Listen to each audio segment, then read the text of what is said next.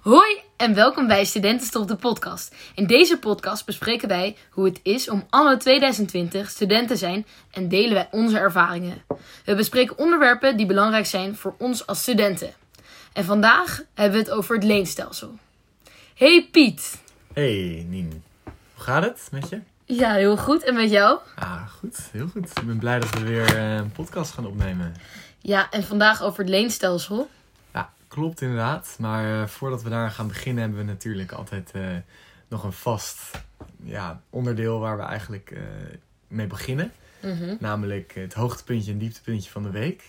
Ik denk dat jij hem goed kan inleiden. Wat is jouw... Laten we beginnen met het hoogtepuntje van de week. En ja, mijn hoogtepunt was. ehm, ik had er eigenlijk twee. Eentje was dat ik met mijn. Ik ben in mijn tussenjaar naar Bristol gegaan. Ja, deze vind jij heel stom, maar ik vind hem heel leuk. Ehm, met mijn, eh, eh, en toen heb ik met mijn vriendinnen afgesproken die ik toen in Bristol had ontmoet. En eh, die had ik nu weer gezien, dus dat vond ik echt heel leuk. En ehm, toen hadden we afgesproken. En ehm, ja, het leuke vond ik daaraan dat je dan weer merkt dat eigenlijk niemand echt is veranderd. Dus dat. En mijn ouders zijn teruggekomen, die wonen in het buitenland. En die waren naar Nederland gekomen. Dus dat is in deze coronaperiode ook wel zeker een hoogtepunt. Ja, leuk. Ja, kan ik me goed voorstellen. Ja, ik... eh, ja, zullen we anders eerst doen dat ik nu ook het hoogtepuntje vertel? Ja, vertel. alle- allebei een dieptepuntje. Oké. Want eigenlijk mijn hoogtepunt sluit ook weer aan op jouw hoogtepunt. Eh, Ja. Namelijk Nien zei net al eventjes dat ik eh, de Bristol samenkomst eh, stom vond. Nou, dat kwam omdat ik... Had, mijn hoogtepunt was dat ik twee leuke verjaardagsfeesten had deze week. En op een van die verjaardagsfeesten was Nina ook uitgenodigd en was ze niet komen opdagen, want ze had de Bristol reunie. dus daarom. eh, maar ik ben heel blij voor je. Met, de Bristol dames. Lekker eh, gezellig. Oké, maar ver- eh, Dat nee. niemand was veranderd. en ehm nou ja, dus dat waren eigenlijk ook mijn twee hoogtepuntjes. Die de verjaardagen van Bastiaan en Meerte. Dat was heel leuk.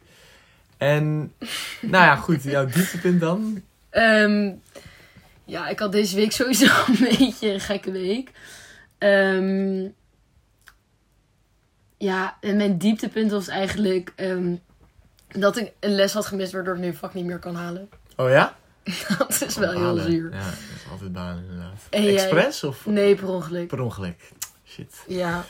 Eh, nou ja, het, mijn dieptepunt was wel, ik niet echt een dieptepunt, maar ergens een feitje waar ik achter kwam. Ik was eh, naar de ITVA geweest. Naar, dat is een filmfestival, eigenlijk documentaire festival, wat eh, film- en documentaire festival wat elk jaar in Amsterdam plaatsvindt. En daar had ik een documentaire gekeken en die heette The Wheel.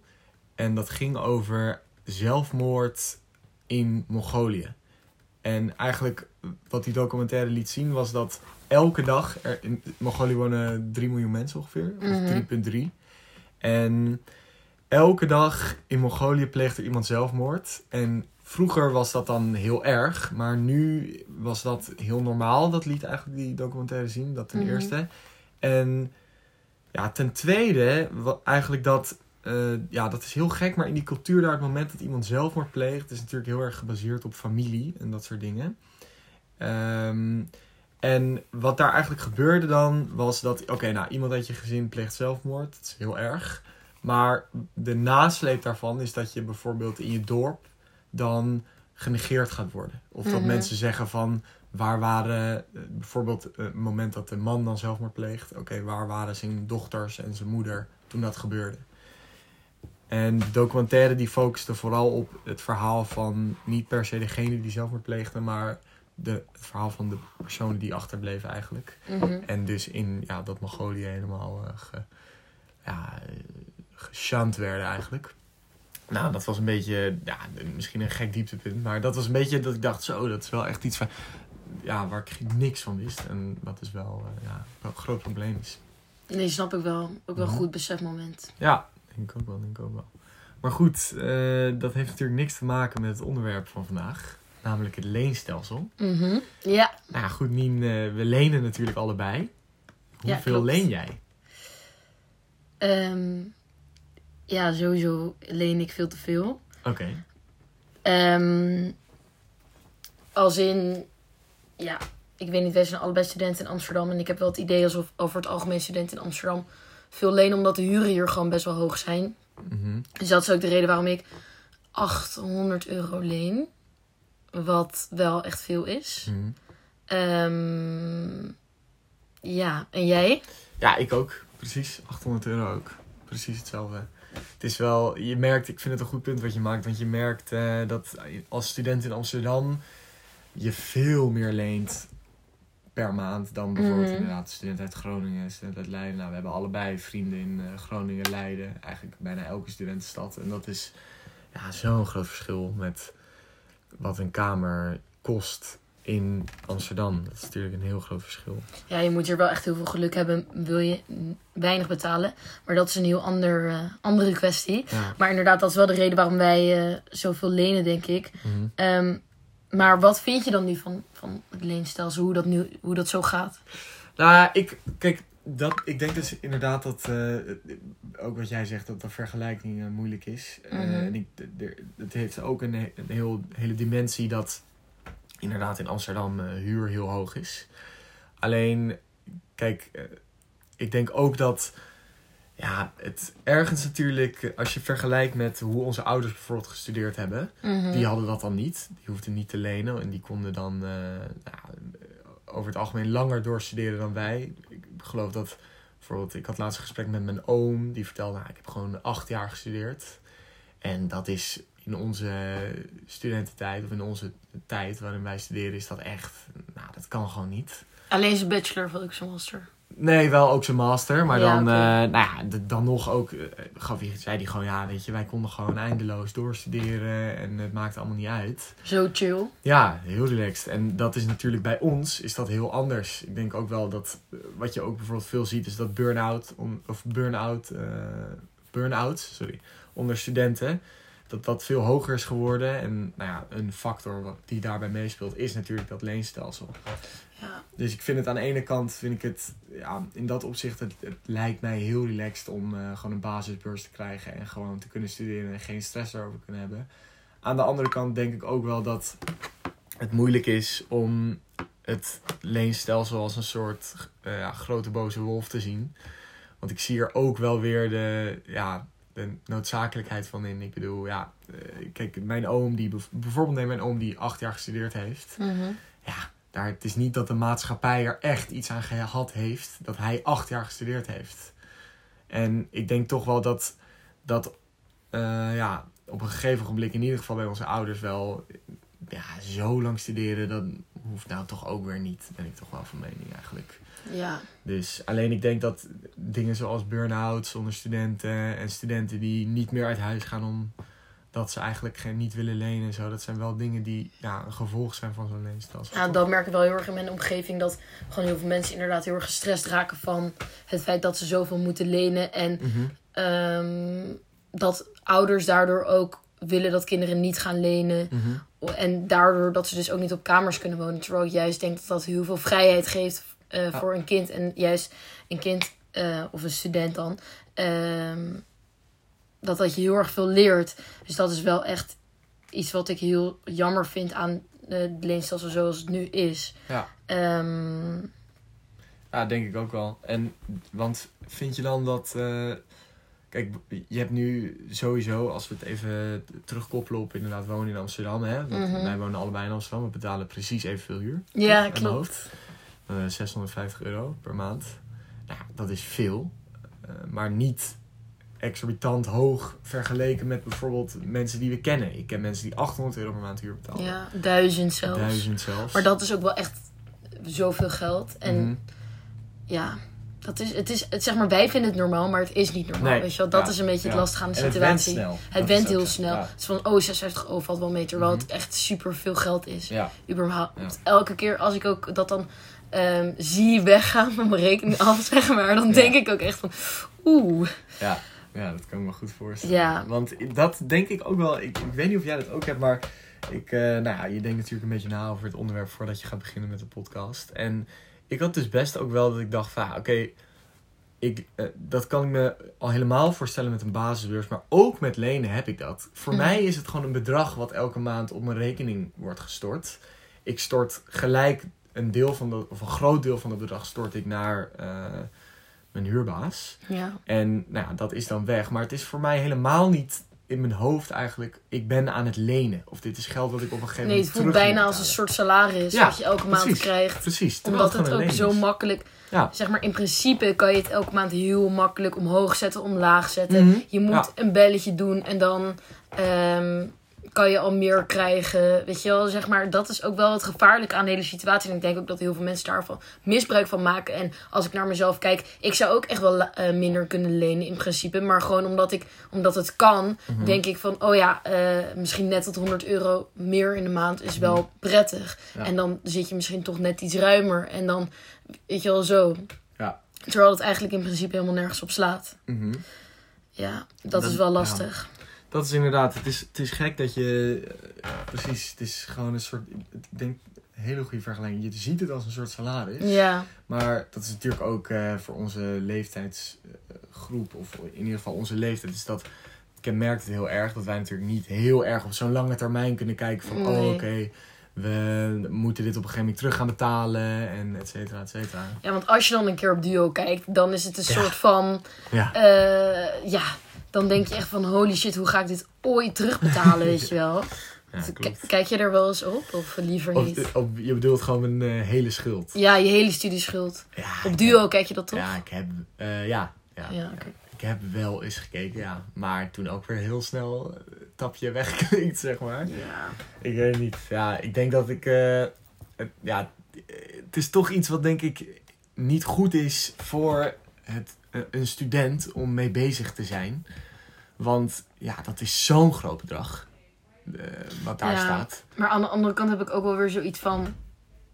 Ja, je moet het mensen wel... Je moet het ook... Kijk, wij zijn 21. Wij, wij kunnen wel zoveel lenen, maar er niet over na... Zeg maar, kijk, het ding is... Wat ik een beetje denk... Wij kunnen het wel lenen, maar wij kunnen er niet over nadenken om het later terug te betalen. Mhm. dat is toch heel gek in Dat principe? hypocriet bedoel je, een beetje. Ja. Ja. Nou ja, ja ik, ik denk dat dat ergens ook wel... eh, dat je misschien het een beetje wegstopt of zo. Ja, je kop in het zand. Ja, je kop in het zand steken. Hè? Maar aan de andere kant denk ik ook wel, ben ik het wel met je eens. Dat het is, ja, we vinden het allemaal heel makkelijk om te lenen. Maar eh, die studieschuld kijken ho. Maar aan de andere kant Precies. denk ik dat het voor heel veel studenten gewoon goed is. Dat, eh, ehm, dat ze bijvoorbeeld juist niet heel vaak kijken erop. Omdat het een stress, ja, een stress oplevert die totaal Ja. niet relevant is voor dat moment. Want je gaat het toch niet afbetalen voor de komende vijf jaar. Precies, want dat... Ik had dus deze zomer dat ik erop ging kijken op Duo.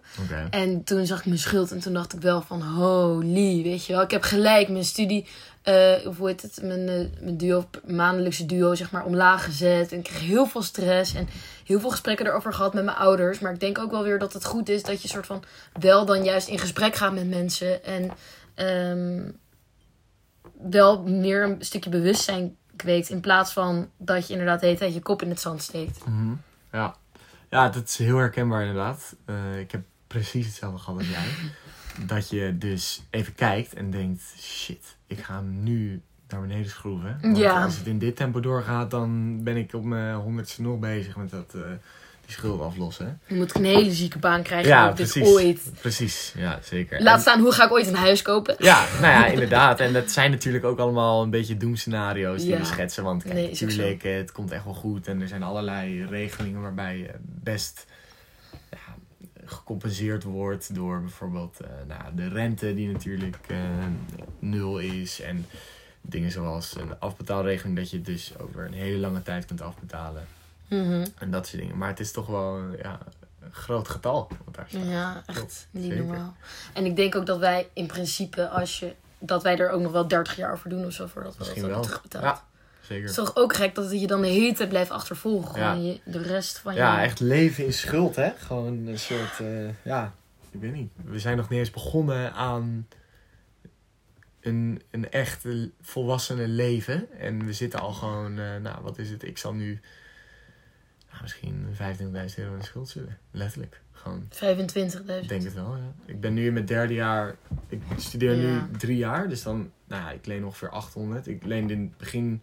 Voor mijn studententijd leende ik nog 1000. Toen heb ik dus één keer gekeken. Toen heb ik nog naar 800 gegooid.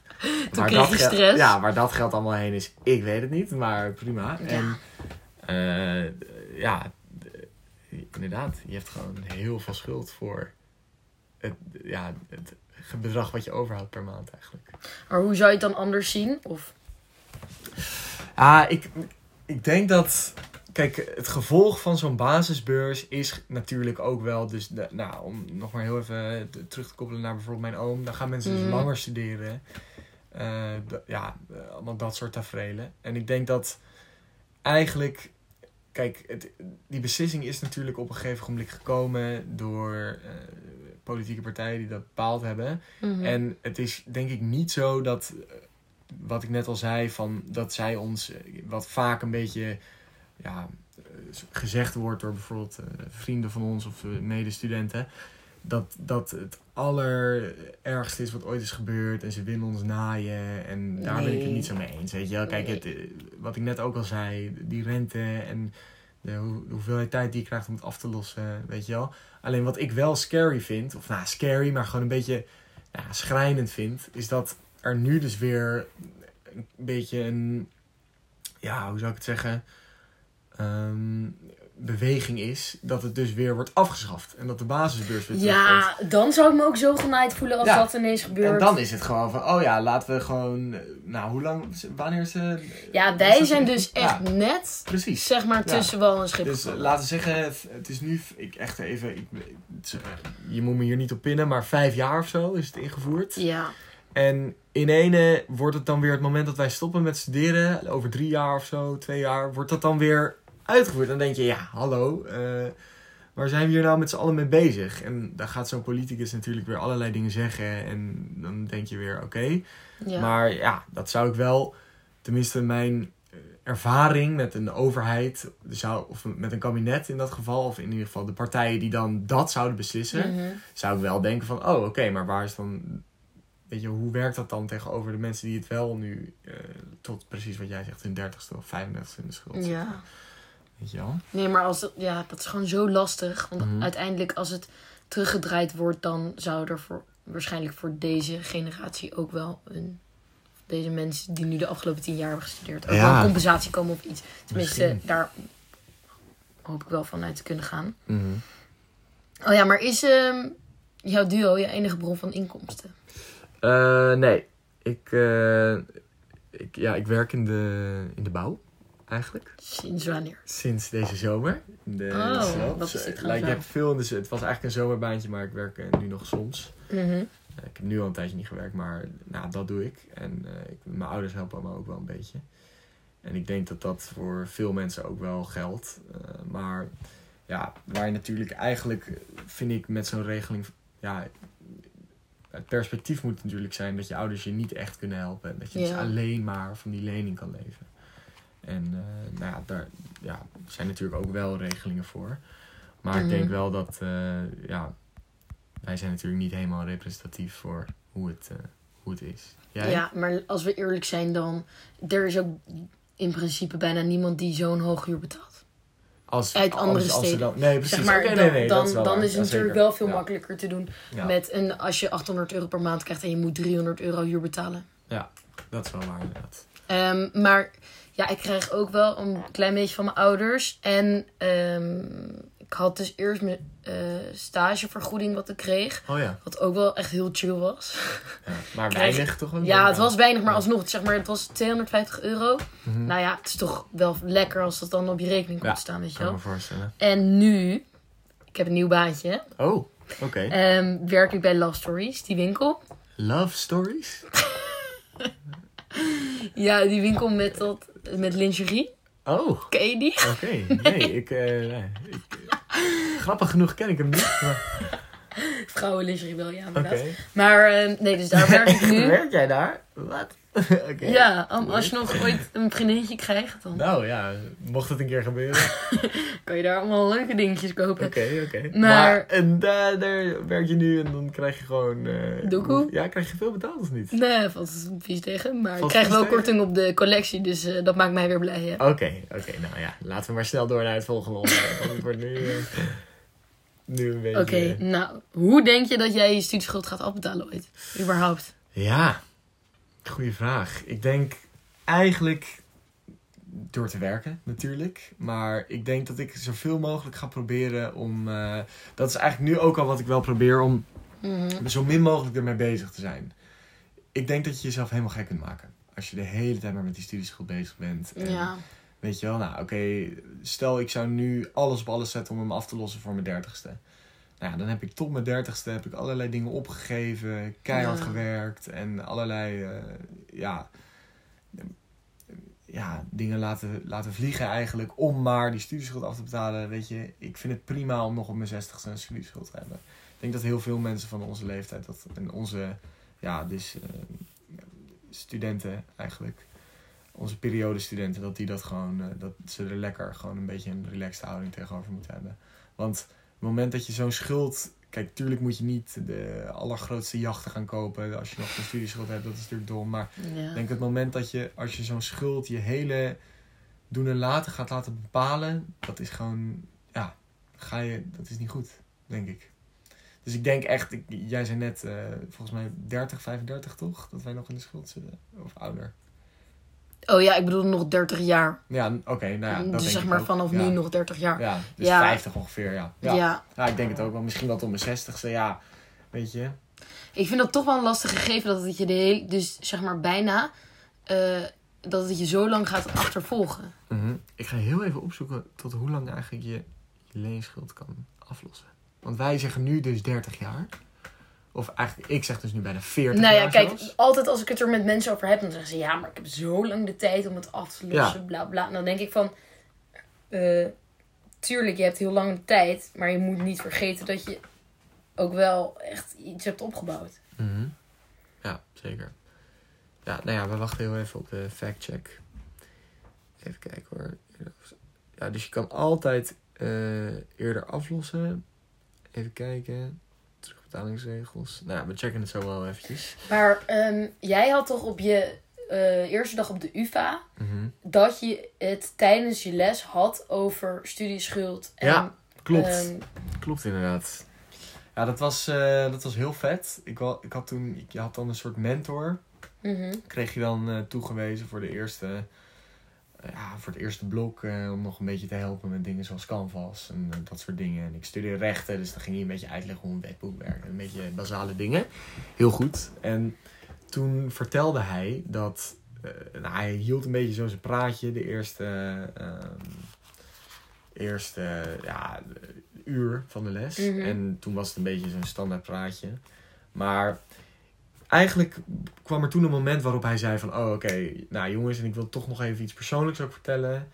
Ik ben nu volgens mij al tien jaar eh, aan het studeren. Ik ben nu nog in het laatste traject. Maar nou ja, ik probeer nog mezelf een beetje om te scholen. Of zo'n soort verhaal had hij. En hij vertelde van... Ik heb in de eerste vijf jaar dat ik studeerde helemaal niks gedaan. Ik ben heel diep in de schulden terechtgekomen... omdat ik al mijn studie vergokt heb. En hij drukte ons eigenlijk op het hart. Want waar wij eigenlijk net mee begonnen, van ja, wij zien het meer als een soort salaris. Je Ja. ziet het helemaal niet als een schuld eigenlijk. Ook om jezelf een beetje in bescherming te nemen. Vertelde hij van, ik had dat ook. Maar hij was trouwens niet tien jaar, maar hij was eh, in ieder geval hij was lang al aan het studeren. Mhm. En hij vertelde toen eigenlijk van, oh, nou ja, dat is dus bij mij. Ik wil nu een huis kopen met mijn vriendin. Het kan gewoon niet. Omdat ik natuurlijk alles vergokt heb. Maar dat is natuurlijk dezelfde mentaliteit die wij nu hebben tegenover die schuld. Ja, het is gewoon zo dat je totaal niet door hebt eigenlijk wat voor bedrag daar steeds hoger en hoger wordt. Op een of andere overheidssite. Mhm. En soms kijk je er even op en je schrikt je helemaal rot. En dan denk je weer prima. Ja. Maar nee, dat vond ik wel echt vet. En ik denk ook wel dat ja, het toch wel iets is wat... Ah, ik weet niet. Nou ja, ik vind het sowieso echt heel eh, knap dat zo'n jongen dat dan doet voor zo'n hele Mhm. grote groep. Ja. Eh, sowieso echt heel veel respect daarvoor. Ja. Respect. Maar ehm, wat ik nog beter vind, is dat het gewoon heel erg veel bewustwording creëert onder eh, studenten. Als je dit soort verhalen vertelt. Ja, nieuwe studenten inderdaad. Precies. Ja. En eh, dat je wel dit soort dingen moet blijven vertellen, want anders gaan mensen er dus wel slecht mee om. Mhm. En ik denk dat er genoeg mensen zijn, ook in onze omgeving, en ik betrap mezelf er ook op, dat, dat ik er soms gewoon niet goed mee omga. Of niet goed genoeg. Weet je wel? Want hoe, qua, hoe bedoel je dat je gewoon Nou, met geld gaat smijten? Nee, nee, nee, nee, nee, nee, nee, dat zou ik nooit doen. Maar meer dat ik wel bijvoorbeeld net 100 euro extra ga lenen. Mhm. Zodat ik niet te veel te krap zit aan het eind van de maand. Ja. En Mhm. terwijl ik dat ook gewoon zou, zeg maar, nog harder, een extra dag zou kunnen werken. Oké, ja. Dus zo Mhm. bedoel ik het meer. Of dat bijvoorbeeld eh, vriendinnen van mij, ehm, die hebben het even krap. Eh, en dan bellen ze of dan zetten ze hun studie even 200 euro hoger. En dan zeggen ze van ja, aan het eind van de rit maakt het toch niet meer uit of ik nou eh eh 2500 of 2600 heb geleend. Mhm. En dan denk ik van ja, maar dat soort kleine dingen zijn denk ik juist wel ehm, belangrijk. Mhm. Maar merk jij dan bijvoorbeeld ook dat, eh laten we zeggen, het moment dat je zo'n studieschuld checkt, hè? Want dat is op zich een interessant moment. Want dan zeggen we allebei, we raken in paniek, een Ja. beetje. Ehm, op dat moment zet je je studieschuld dus lager, maar eigenlijk met een bedrag, nou, ik heb dat toen 200 euro lager gezet en dat is op Mhm. zich best veel, maar Ja, eigenlijk met een bedrag wat helemaal niet zoveel gaat helpen aan het eind van de rit, denk ik. Het zal een, ja, een aantal duizend euro schelen, maar het gaat echt niet het grote verschil maken tussen die tienduizenden euro's waar we al in zitten, denk ik. En ja, merk je dan, want we, hadden het natuurlijk net een beetje over die burn-outs en zo, en dat mensen heel veel grotere studiedruk ervaren dan eerder. Merk jij dat dan? Nou, ik weet niet, natuurlijk niet hoe het daarvoor was. Nee. Maar als Ja. ik wel bijvoorbeeld inderdaad bij, bij, de periode, bij de tijd van mijn ouders, als ik daarvan verhalen hoor en dan vergelijk met nu, dan denk ik, jezus hé. Mhm. Wij ervaren zoveel meer stress, maar dat kan natuurlijk ook komen door social media en dat soort dingen. Maar ehm, qua, als we het even hebben over het leenstelsel, denk ik ook wel dat veel minder mensen uit huis gaan. En veel meer mensen soort van bang zijn om te lenen. Mhm. Ik denk dat dat, Ja. dat Ja. eh, Denk iets ik is ook. wat er ook meespeelt. Wat denk jij? Ah, ik denk ook wel dat het is een heel goed punt wat je maakt. Ik denk dat het helemaal waar is dat bijvoorbeeld de ontwikkeling dat mensen, en dat is echt zo, kijk, wij eh, komen dan bijvoorbeeld uit gezinnen waar dat denk ik, in ieder geval dat neem ik aan bij jou, maar eh, waarbij het heel erg, ja, best wel gestimuleerd wordt van, oké, ga uit huis, weet je wel, ga Ja. lekker in die stad wonen. Ouders hebben zelf ook gestudeerd, maar als je bijvoorbeeld kijkt naar ouders die zelf niet hoog opgeleid zijn en een zoon of dochter hebben die wel hoog opgeleid is. En dan bijvoorbeeld een universitaire studie doet. Nou ja, kijk, die ouders die hebben tot, laten we zeggen, niet een studententijd gehad die vergelijkbaar zou zijn met de studententijd van bijvoorbeeld de zoon of dochter die ze hebben. Mhm. Ehm, ja, en dat zijn wel gewoon dingen waarbij het moment dat je een basisbeurs hebt, dan is dat veel toegankelijker. Het moment dat je gaat kijken naar eh, dingen zoals niet uit huis gaan, ja, dat heeft natuurlijk een groot effect voor ja, de ontwikkeling toch van een student. En Nee, sowieso. Ja, dat is iets wat wel, denk ik, vaak ook bij zo'n leenstelsel best wel een beetje vergeten wordt, weet je wel? De mensen die thuis blijven wonen omdat ze niet willen lenen, en dat zijn er echt heel veel. Ja. Jij zit ook in werkgroepen. Nee, sowieso. Met ja, echt, echt gewoon veel. misschien wel de helft van de mensen, al helemaal in Amsterdam, op de UvA en op de HVA, Mhm. die gewoon weigeren om uit huis te gaan. Omdat, ja, waarom zou je? De huurprijzen zijn te hoog. En precies wat jij ook zegt, dat is ook weer een ander onderwerp, want huurprijzen in Amsterdam. Maar sowieso, weet je wel. Ik bedoel, hoezo zou je, als die treinverbinding gewoon prima is, eh, dat doen en dan met een dikke studieschuld zitten? Nou ja, omdat je je dus jezelf wil ontwikkelen. Maar ja, oké, wat is jezelf ontwikkelen tegenover 50.000, 60.000 euro studieschuld? Ja.